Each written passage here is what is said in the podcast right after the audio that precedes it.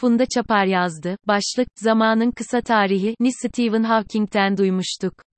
Kitabın 2016 baskısına yazdığı ön sözde zamanın kısa tarihinin dünya çapındaki satış ve okunma başarısına yönelik şu satırları yazdı Hawking, nereden geldik? Ve neden evren şu anda olduğu gibi?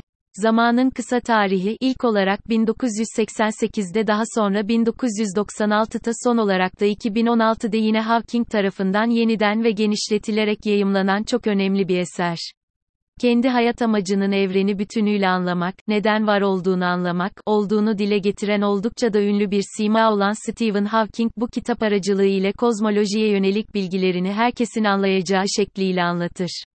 Kitabın 2016 baskısına yazdığı ön sözde zamanın kısa tarihinin dünya çapındaki satış ve okunma başarısına yönelik şu satırları yazdı Hawking, nereden geldik?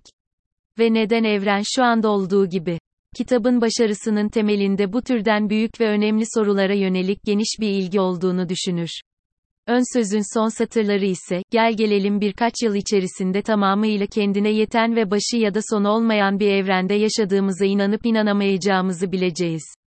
Hawking'in ölümünden bir sene sonra, 2019'da ilk kara delik görüntüleri gelmişti. 12 Mayıs 2022'de ise Event Horizon, olay ufku, teleskobu ile galaksimizin merkezindeki kara deliğin renkli fotoğrafı canlı yayın ile dünyaya gösterildi. Tüm dünyada günlerce ilgi odağı olan görüntüler bu kitabın okurları için de merakın ötesinde gerçek bir heyecandı ve Hawking'in görememiş olması. Kitap, ön söz, sonuç ve ekler hariç 11 alt başlıktan oluşmakta. Yer yer çizim ve grafikler de içeren kitap, fizikçinin kendine has esprili üslubu ile meraklı zihinlere şölen sunmakta. Kitapta yer alan alt başlıklar sırasıyla şöyle, evren resmimiz, uzay ve zaman, genişleyen evren, belirsizlik ilkesi, temel parçacıklar ve doğanın kuvvetleri, kara delikler, kara delikler o kadar da kara değil, evrenin başlangıcı ve kaderi, zaman oku, solucan delikleri ve zamanda yolculuk, fiziğin birleşmesi. Bu başlıklar içerisinde en çok dikkat çeken bölüm kara deliklerin o kadar da kara olmadığına dair olan 7. bölüm. Hawking 1970'ten önce büyük patlama tekilliğinin olup olmadığı sorusuna yoğunlaştığını sonrasında ise kara delikler üzerine, kara deliklerin sınırları üzerine düşünmeye başladığını anlatır. Kara deliklerin sınırlarının azalmama davranışı entropi adı verilen ve bir sistemdeki düzensizlik derecesini ölçen fiziksel bir niteliğin davranışını andırır.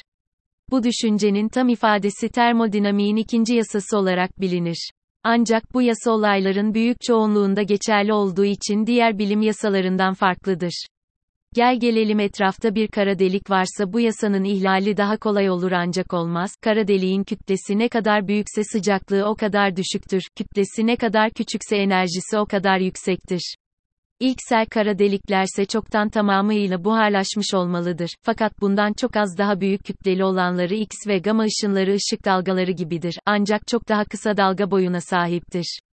Böylesi delikler güç bela kara yakıştırmasını hak ederler, esasında akkordurlar ve yaklaşık 10.000 megawattlık bir oranda enerji yayarlar. Hawking kara delikler üzerine yaptığı düşünme, tartışma ve hesaplamalar sonucunda evrenin yaşının 10 ya da 20 milyar yıldan daha uzun olduğunu belirtir bu bölümde. Kitapta dikkat çeken bir bölümde 9.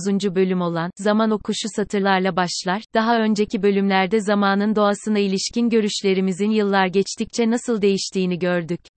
20. yüzyıla kadar insanlar mutlak bir zaman anlayışına inanıyorlardı. Buna göre olay, zaman adı verilen bir sayı ile özgün bir şekilde işaretlenebiliyordu ve iyi çalışan her saatte iki olay arasındaki zaman değişimini aynı biçimde gösterebiliyordu.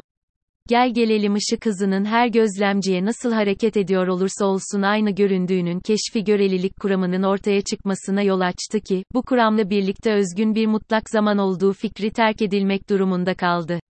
Göreliliğe göre her bir gözlemci taşıdığı saatle takip edilen kendine has bir zaman ölçümüne sahiptir. Böylece zaman kendisini ölçen gözlemciye göreli olarak daha kişisel bir kavram halini alır. Bu bölümde sanal zaman, gerçek zaman kavramlarından bahsedilir öncelikle. Nokta. Geçmiş ile gelecek arasındaki söz konusu fark nereden gelir?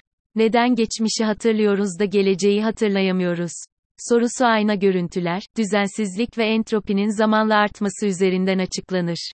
Ve sonuçta üç farklı zaman okundan bahseder Hawking, birincisi entropinin arttığı termodinamik zaman oku. İkincisi psikolojik zaman oku, zamanın geçtiğini hissettiğimiz ve geleceği değil, fakat yalnızca geçmişi hatırladığımız yöndür. Üçüncü ise kozmolojik zaman okudur, içerisinde evrenin küçülmekten ziyade, genişlediği zaman yönüdür. Bu bölümden alınan önemli açıklamalardan ve sorulardan bazıları şunlar, evren bütünüyle yeknesak olmuş olamaz, zira bu kuantum kuramının belirsizlik ilkesini ihlal ederdi. Evren genişlemesine son verip küçülmeye başlasaydı ne olurdu? Başlarda evrenin yeniden çökmesiyle birlikte düzensizliğin azalacağına inanmaktaydım. Bunun sebebi evrenin tekrar küçük duruma geldiğinde düzgün ve düzenli bir hale geri dönmesi gerektiğini düşünüyor olmamdı. Bu, küçülme fazının, genişleme fazının zaman yönünün değişmiş hali gibi olacağı anlamına geliyordu.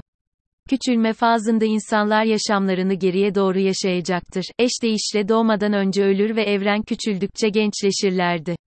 Bu fikir ilgi çekicidir. Soru şudur, bu fikir sınırsızlık koşulundan çıkarılabilir mi ya da söz konusu koşulla tutarsız mıdır? Hawking'in kitabı, beynimizdeki düzeni artırma garantisi veren bir eser, ancak bir kez okumak yetmez.